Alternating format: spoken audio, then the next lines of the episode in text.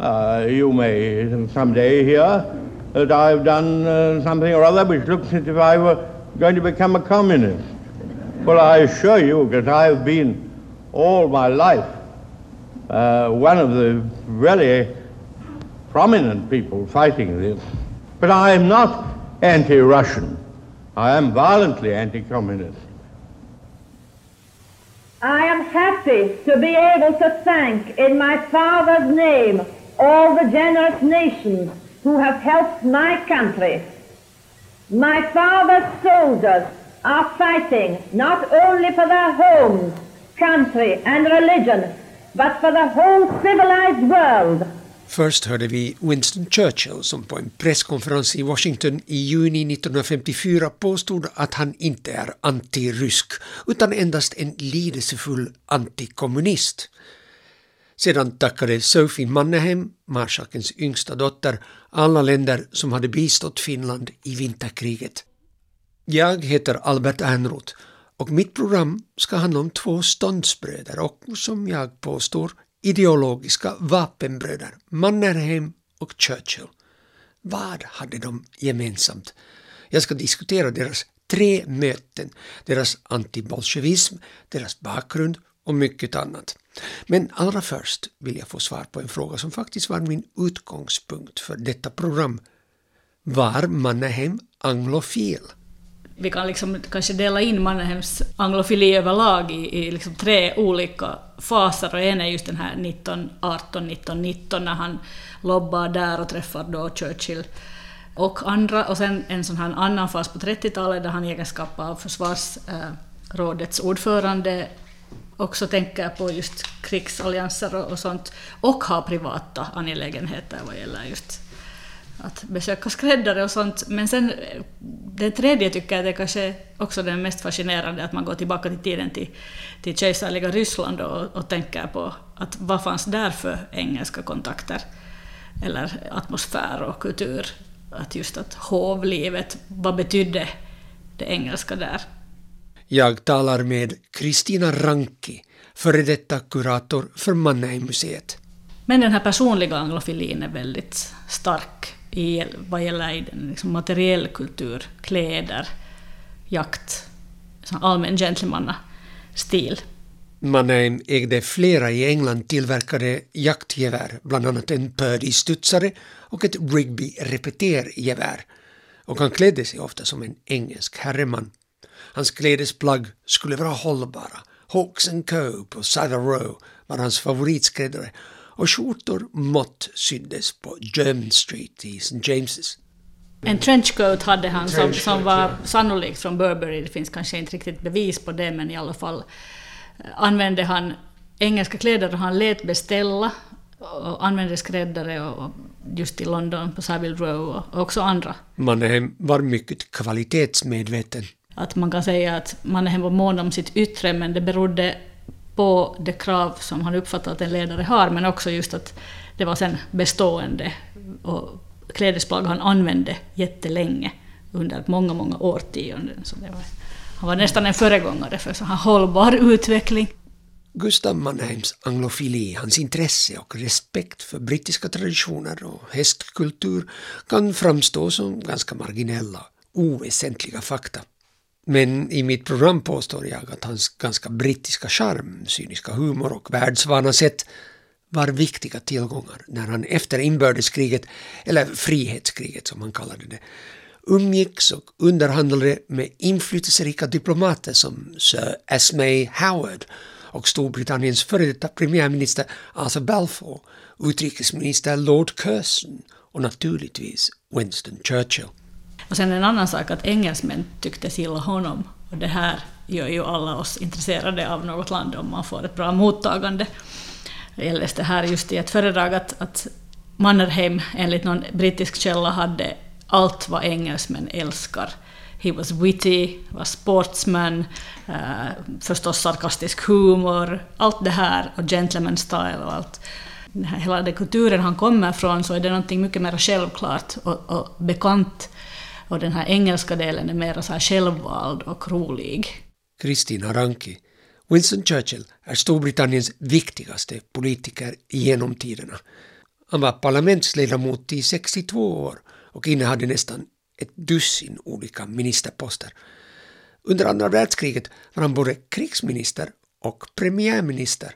De krigströtta britterna valde efter Tysklands kapitulation överraskande nog en Labour-regering. Men 1951 gjorde Churchill comeback som regeringschef. 1953 drabbades han av en allvarlig stroke, men lämnade inte premiärministerämbetet. Samma år tilldelades han Nobelpriset i litteratur. Och alla som har läst hans underhållande självbiografi My Early Life, Min ungdom, förstår nog varför han fick just litteraturpriset. Idag uppskattas, eller rättare sagt värderas, hans målningar också mycket högt. With Winston Churchill, I think it's worth bearing in mind that you are looking at someone whose political career spanned from the age of Queen Victoria to the onset of the Cold War. And there are so many issues where he can have one view early in his political career and have a completely opposite view by the end of his political career just because of how long it was. Winston Leonard Spencer Churchill föddes 30 november 1874 på Blenheim Palace i Oxfordshire. Vissa av hans uttalanden och skriverier förefaller idag som politiskt inkorrekta, men då ska man komma ihåg att han inledde sin militär och politiska karriär under drottning Victorias välde. Churchill satt kvar vid makten när kalla kriget sjönk under fryspunkten. So this is the Weald of Kent you can see, and Chartwell sits on the top of a hill, so the landscape really falls away. which is part of the reason that this building struggles is because it's actually exposed to, to the elements so much because the landscape descends into this very rapid hill. But it does mean you get this incredible panoramic view. Jag sitter här med Catherine Carter i vardagsrummets annex på Chartwell, Winston och hans fru Clementines hem, som från terrassen erbjuder en härlig, vidsträckt utsikt över Wild of Kent Catherine har under sina åtta år som Chartwells kurator upplevt hur intresset för Churchill har förändrats. Förr ville besökare huvudsakligen höra om hans insatser under andra världskriget men nu är folk mer nyfikna på hans tidiga radikala årtionden då han bland annat genomförde en viktig fängelsereform och ivrade för en arbetslöshetsförsäkring. For a long time, you know, Churchill, the wartime leader, was the the primary thing that people spoke about Winston Churchill. But there's increasing discussions, for example, around his radical decade. So his first decade with the Liberal Party, where he was involved in prison reform and unemployment benefits. And with any historic figure, as time passes, there's going to be changes in discussion and debate. Precis som det i Finland på 70-talet uppstod en rörelse som försökte nedbryta Mannerheimkulten så beskylldes Churchill för rasism och några aktivister klottrade graffiti på hans staty utanför Westminsterpalatset under en Black Lives Matter-demonstration 2020. Det stämmer att hans attityd i Indienfrågan var skamlig, men han ångrade senare sina ståndpunkter om Gandhi och indier. Mannerheim hade ju helst också förhindrat det ryska kejsarimperiets undergång, men rasist var han verkligen inte. Mannerheim och Churchill hade mycket gemensamt, inte minst bakgrund och uppfostran. De var ståndsbröder. Båda förstod de de sociala elitnätverkens stora potential och värde. I think that one of the things though very different in character, that Churchill and Mannerheim have in common is their aristocratic background. And from that, you learn from a very early age the importance of networks and who you know. And that is something that in due course you can then, as a political figure, translate into influencing through dinners, through gatherings, however it may be. Catherine Carter. Gustav Mannheim föddes 1867 på Vilnius slott och var drygt sju år äldre än Winston. Gustavs far, Karl Robert, var greve, men eftersom Gustav inte var äldste sonen ärvde han inte denna fina titel. Winston Churchills farfar var den sjunde hertigen av Marlborough. Men Randolph Churchill, alltså Winstons far, ärvde varken titeln eller arvgodset eftersom han inte heller var äldst. Och därför växte Winston inte upp på magnifika Blenheim Palace, det enda palatset i Storbritannien som inte ägs av kungafamiljen. Mannerheim var ganska bråkig under skoltiden. Unge Winston var bångstyrig och en obegåvad skolelev. Han tog inte studenten, men kom efter tre försök in på Sandhurst, arméns militärhögskola. Mannerheim skickades till Fredrikshamn där han 15 år gammal kom in till finska kadettkåren. Men anglofilin fick han med från barnsben. Hans morbror, Albert von Julin, var från en betydande företagarsläkt, alltså västra Nyland, och han var i högsta grad alltså anglofil. Så på, på mödrarna så fanns det liksom en sån förståelse för, under andra hälften av, av 1800-talet, eh, då gentemot Storbritannien, så kan man ju säga att också hans far Robert Mannerheim, på grund av att han var liberal, eh, då, då också tog intryck från, från Storbritannien. Så det fanns alltså en slags eh, ja, intresse och liksom positiv grundinställning till Storbritannien som ju då var på höjden av sitt inflytande just på 18 60, 70, 80-talet.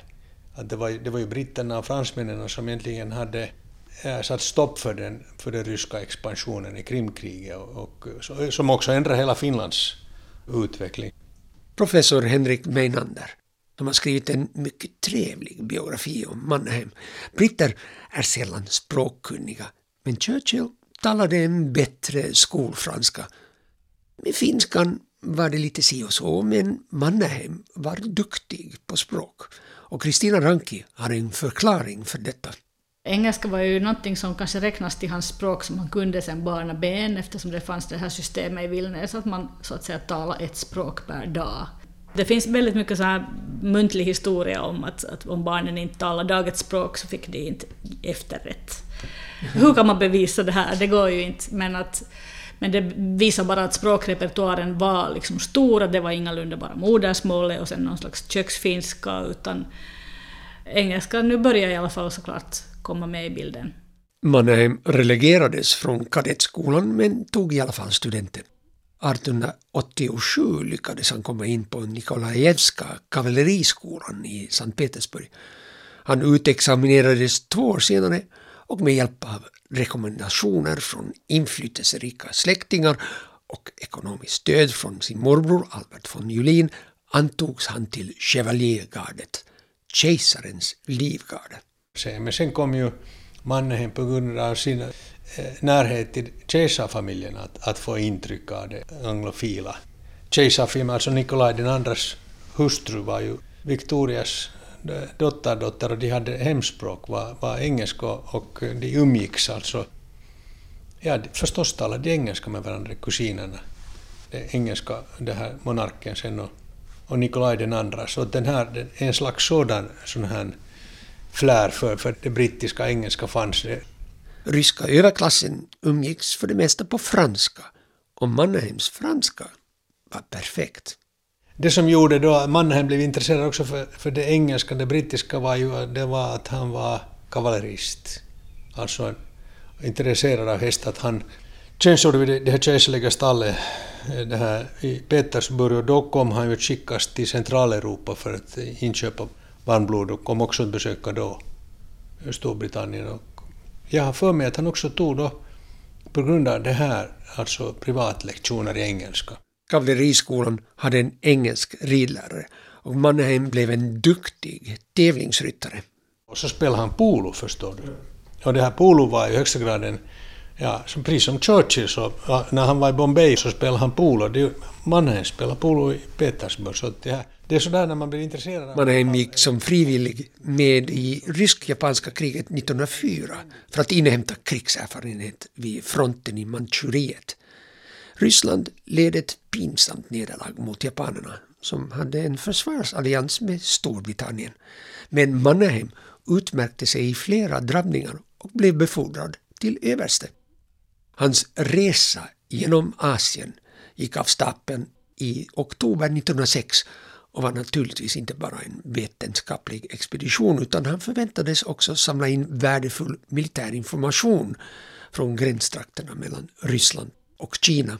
Hans resa ritt genom Asien var ju inte egentligen upptäcktsresa utan det var spionage. Britterna var oroliga för det ryska politiska närmandet till Tibet och expansionen i riktning mot Indien och de höll ett öga på Mannheims expedition.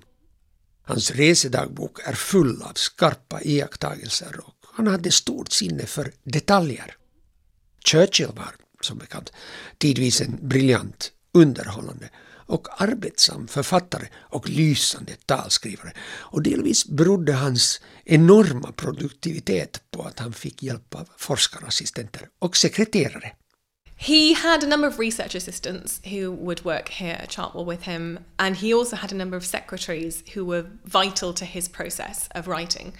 He wasn't someone who would sit down at a desk and, and write. He would mainly compose his words through dictation. So he would be striding up and down the floorboards of the study and throwing words into the air, and you would have a secretary desperately trying to keep up in shorthand. Catherine Carter berättade att Churchill för det mesta dikterade sina verk. Han satt sällan vid skrivbordet och författade. I arbetsrummet på Chartwell ser man att trägolvet och mattan har nötts där han under dikterandet har gått fram och tillbaka. När han behövde tid att fundera och skriva i lugn och ro föredrog han att göra det på Chartwell. He knew that here was a good place to continue any written works or any speeches, anything where he really needed that headspace to completely immerse himself in the task. Churchill åkte 1895 som iakttagare på eget bevåg till Kuba där rebellerna kämpade mot den spanska kolonialmakten. Äntligen fick han lukta krutrök. Och det blev flera äventyr när hans husarregemente stationerades i Bangalore i Indien där fick han tid att ägna sig åt självstudier och följde med som journalist i Svartdalen som idag ligger i Pakistan. Och detta resulterade i hans första bok som handlade om militärkampanjen mot pashtunerna. George han var ju också utbildad kavallerist och började ju sin karriär som, som officer men sen blev, gick det över till journalismen och sen snabbt till politiken. Eh, så det var ju därför som han hade de här storstilade ganska vansinniga också idéer om landstigning. Han skrev till och med en roman före första världskriget om en sån här fiktiv landstigning. Och så, ja. När det andra Boerkriget bröt ut i Sydafrika lyckades Churchill ordna en oavlönad befattning i brittiska kavalleriet som ett slags inbäddad krigskorrespondent. Han tillfångatogs men lyckades fly i en järnvägsvagn fullastad med ull Hans redogörelse för den spännande flykten gav honom hjältestatus i England. Men 1899 beslöt han att följa i sin fars fotspår och valdes därpå följande år in i underhuset som konservativ representant. Fyra år senare övergick han till Liberalerna och blev 1908 handelsminister.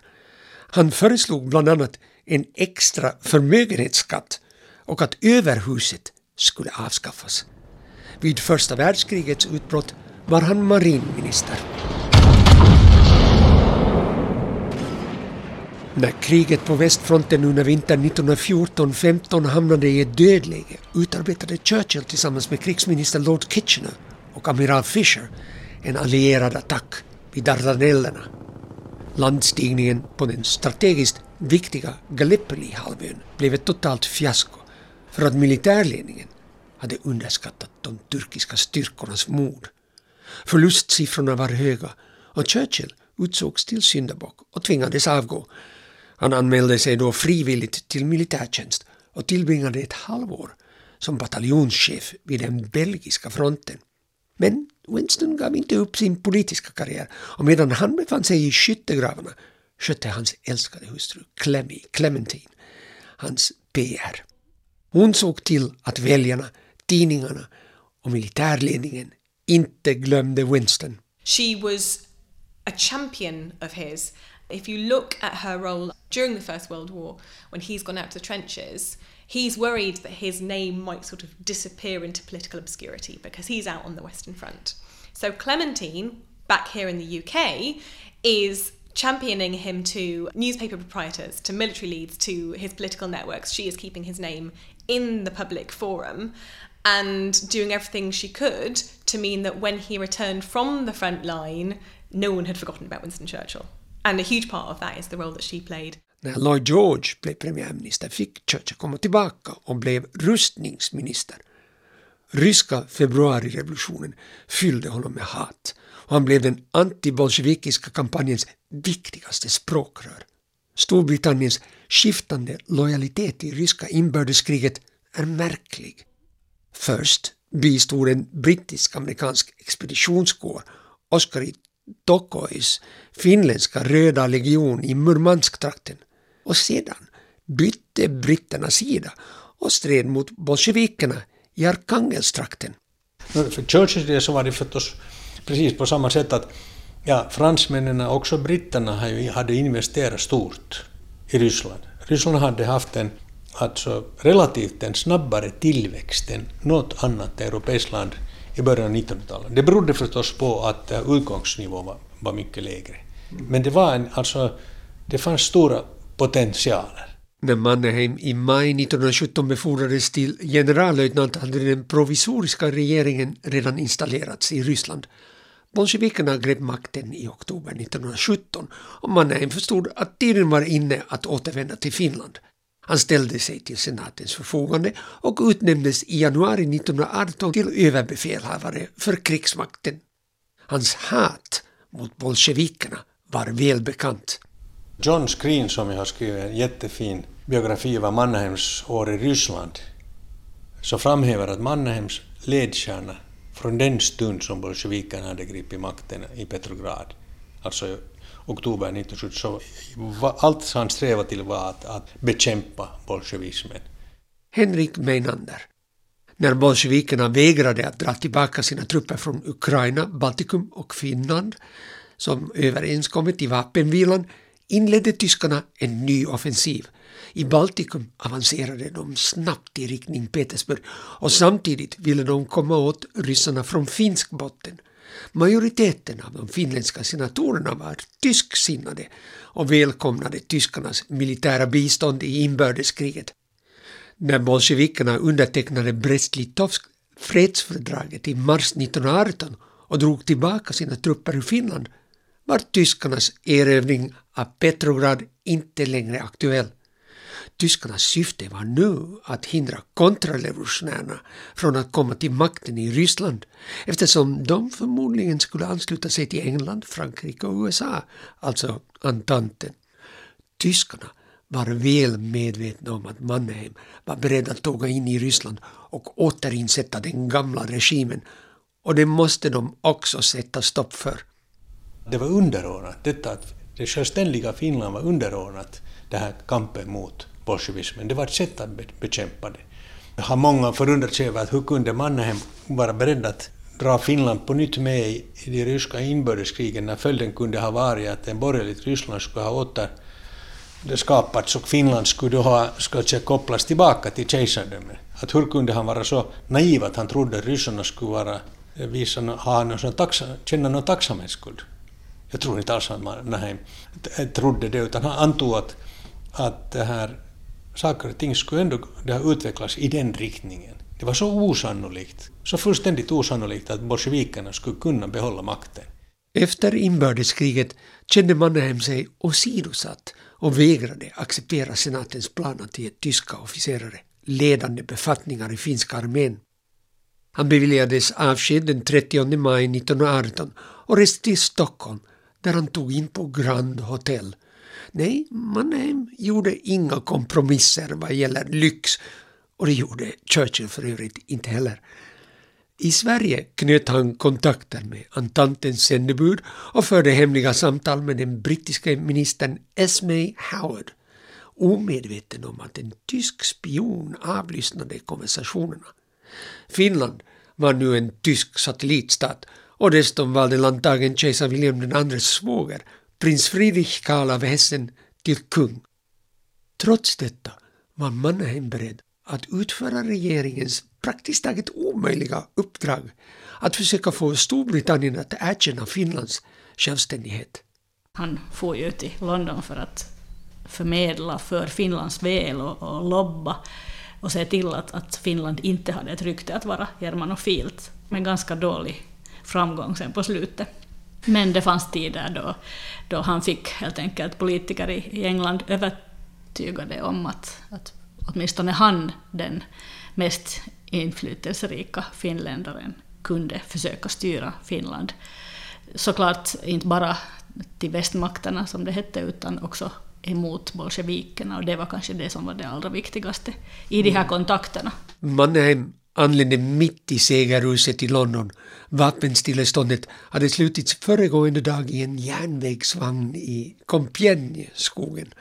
Finlands landtag valde en månad senare Mannerheim till riksföreståndare. Men brittiska regeringen var inte beredd att förhandla med honom så länge tyska trupper befann sig på finsk mark och en tysk prins var på väg att bestiga tronen. Men helt förgäves var besöket inte. Hemma hotade hungersnöd för att leveranser av livsmedel och råvaror hade blockerats av västmakterna. Men Mannerheim lyckades få britterna att upphäva blockaden och samma dag han återvände hem anlände en stor spannmålsleverans till Åbo hamn. Jag heter Albert Ernroth och lyssnar på min dokumentär Marsken och den brittiska bulldoggen om den varma vänskapen mellan de kommande fienderna Mannerheim och Churchill. Detta är en version av programmet utan musik och här hördes ursprungligen Edward Elgars Pomp and Circumstance, Land of Hope and Glory. I december 1918 välkomnades Mannerheim i Åbo av skyddskåren och senator Svinhuvud som hälsade i stram givakt iklädd fältvebels uniform. Finland var inte längre en tysk vasallstat. Prinsen hade avsagt sig kronan, men tanten vägrade fortfarande att erkänna Finlands självständighet. I mars 1919 hölls parlamentsval och Finland blev en demokratisk presidentcentrerad republik.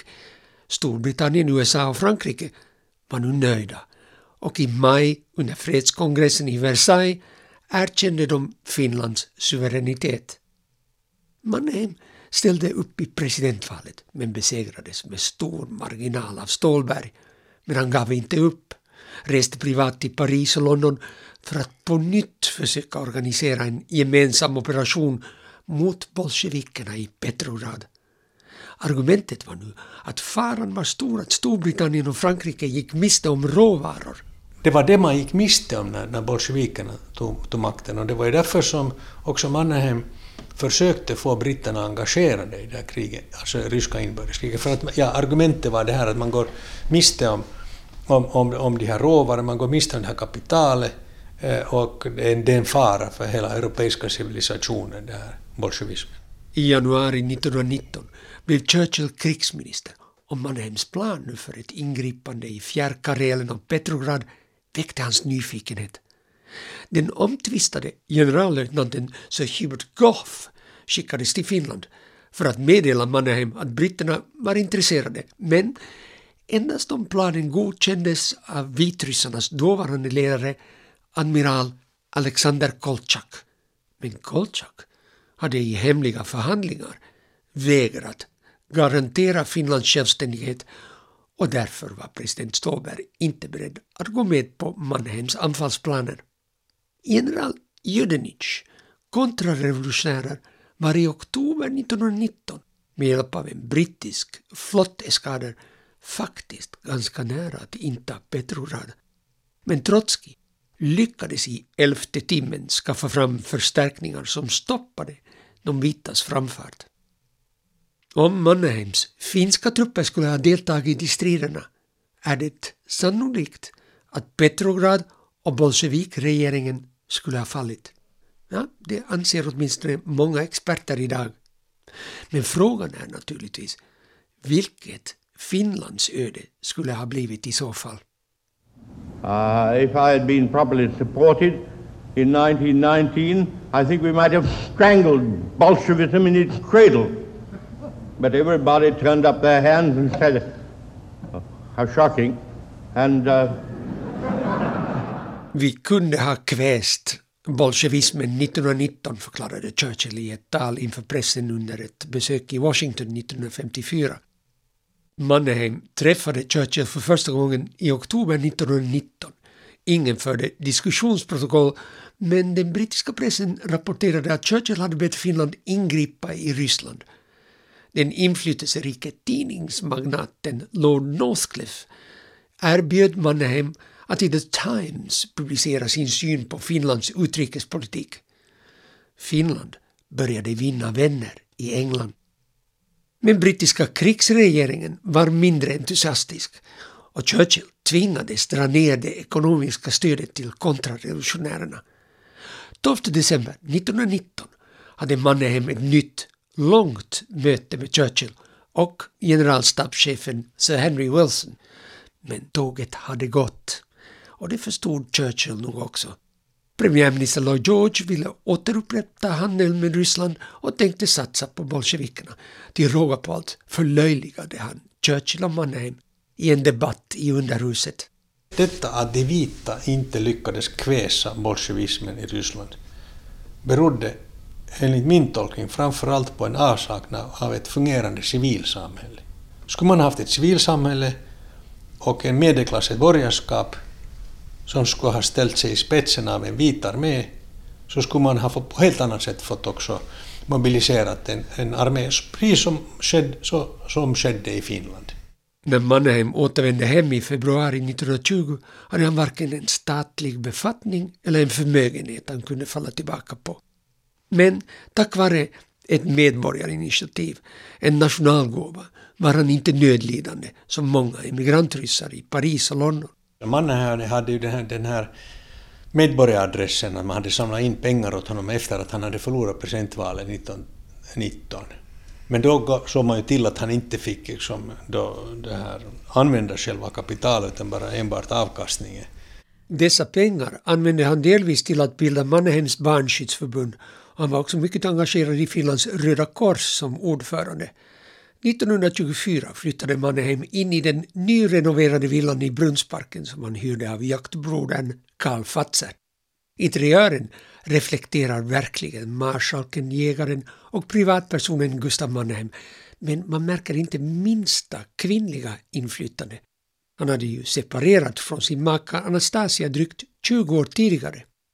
På Chatwell, Churchills hem, kan man tydligt spåra Clementines inflytande men hon trivdes aldrig riktigt ute på landet.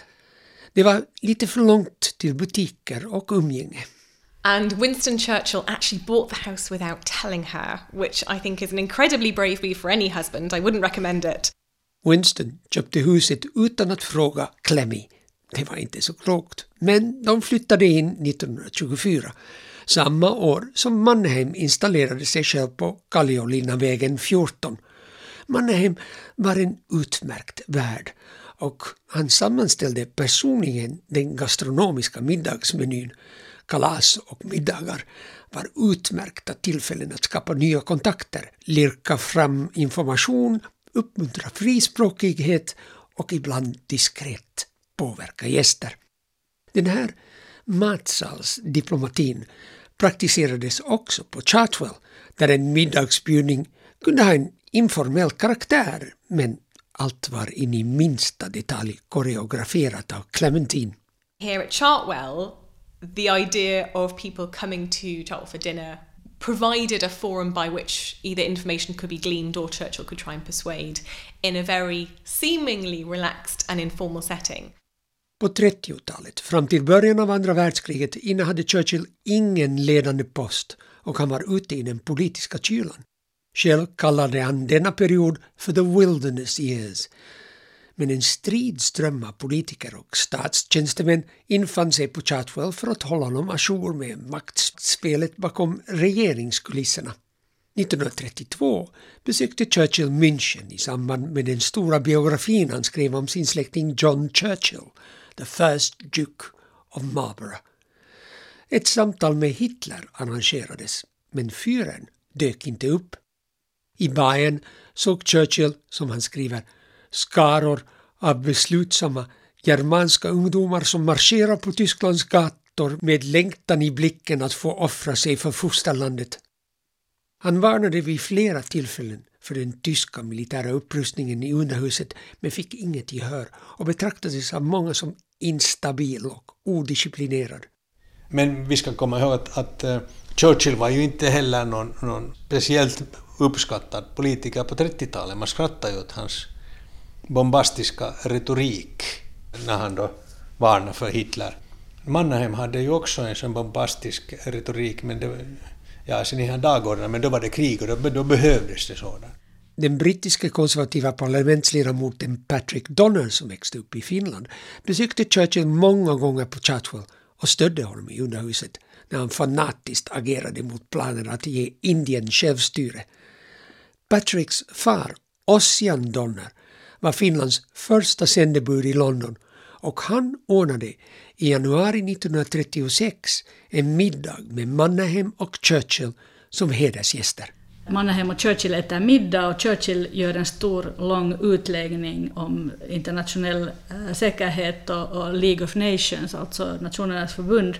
Och då orkar Mannerheim inte höra och säger att “come back to reality” och det här är ju så, såklart en anekdot vi finländare gärna tycker om att höra, att Mannerheim satt Churchill på plats. Mannerheim ställde sig mycket skeptisk i fråga om Nationernas förbund och litade inte alls på att medlemskapet stärkte Finlands ställning i förhållande till Sovjetunionen och Tyskland. Mannerheim påpekade också för Churchill att han i sin bok The World Crisis, världskrisen, alltför starkt betonade tyskarnas roll i finska inbördeskriget.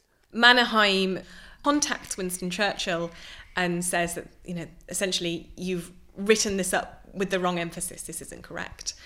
And Churchill is someone who doesn't necessarily take to criticism and revisions very kindly.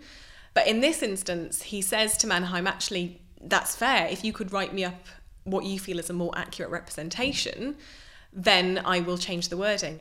Churchill såg inte med blida ögon på kritik, men han bad Mannheim föreslå ändringar och Catherine Carter berättar att Churchill i senare upplagor införde Mannheims korrigeringar. Det är bevis för att Churchill verkligen respekterade Mannheim. So that in itself does show Churchill's respect for Mannerheim and I think that that is reflected in their later relationships and their you know, conversations and dialogues as well. På 30-talet besökte Mannerheim England praktiskt taget varje år, ibland flera gånger om året. Äldsta dottern Anastasi, eller Stasi, blev nunna i ett engelskt karmelitkloster men återgick efter 17 år till ett profant liv i Harrow. När Svinhuvud blev president 1931 bad han Mannheim bli ordförande i försvarsrådet och överbefälhavare i krig. Två år senare utnämndes han till fältmarskalk. Han fick representera regeringen vid kung George Vs begravning i januari 1936 och samtalade öppet om Hitler med den nya kungen på Buckingham Palace. Senare kommenterade kung Edvard VIII att av alla gäster som hedrade hans fars minne så var Mannerheim den mest imponerande. Åtta månader senare återvände Mannerheim som den brittiska regeringens gäst eftersom han hade för avsikt att köpa stridsflyg.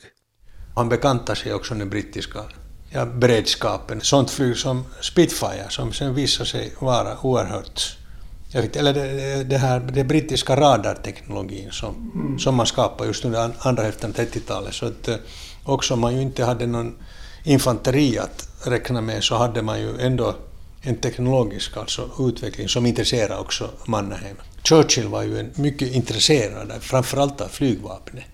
Mannerheim besökte England en sista gång 1938 och träffade både försvarsministern och utrikesministern i London för att informera dem om läget i Nordeuropa. Becks svarta orosmoln tornade upp sig över Europa.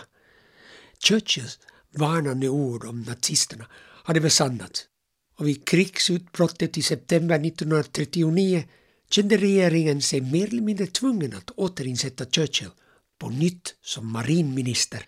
Att britterna sympatiserade med Finland under vinterkriget kommer fram i många samtida nyhetsfilmer som man idag kan hitta på Youtube. Tidningspressen och BBC Home Service rapporterade om de finska soldaternas hjältemodiga försvar. Brittiska journalister skickades till Finland men flera kom inte mycket längre än Hotel Kemp. Only Finland, superb, nay, sublime. sublime in the jaws of peril, Finland shows what free men can do. The service rendered by Finland to mankind is magnificent. They have exposed for all the world to see the military incapacity of the Red Army and of the Red Air Force. Ett stycke ur Winston Churchills radiotal i januari 1940 som visar hans sympati för Finlands ojämna kamp. Den franska och brittiska regeringen gav löften om militärt bistånd och planerade att komma till Finlands undsättning. En expeditionskår skulle landstiga i Narvik och därifrån genom nordsvenska malmfälten rycka vidare till Luleå hamn för att sedan gå in i norra Finland. Två, tre divisioner hölls i beredskap sades det.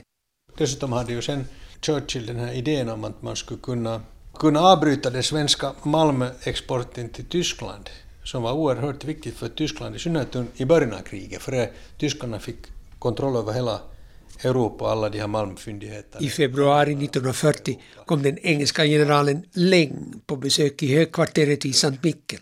Men planen han presenterade var alltför omständig. Den gick ut på att England skulle anhålla om rätt att transitera trupper genom Norge och Sverige till Finland. Men naturligtvis vägrade Norge och Sverige transiteringstillstånd. Men var Storbritannien och Frankrike på allvar beredda att blanda in hela Skandinavien i ett storkrig? Idén var ju alltså med andra ord, när man då förhandlade om att skicka trupper till Finlands uh, undsättning, så det var bara bluff. Absolut.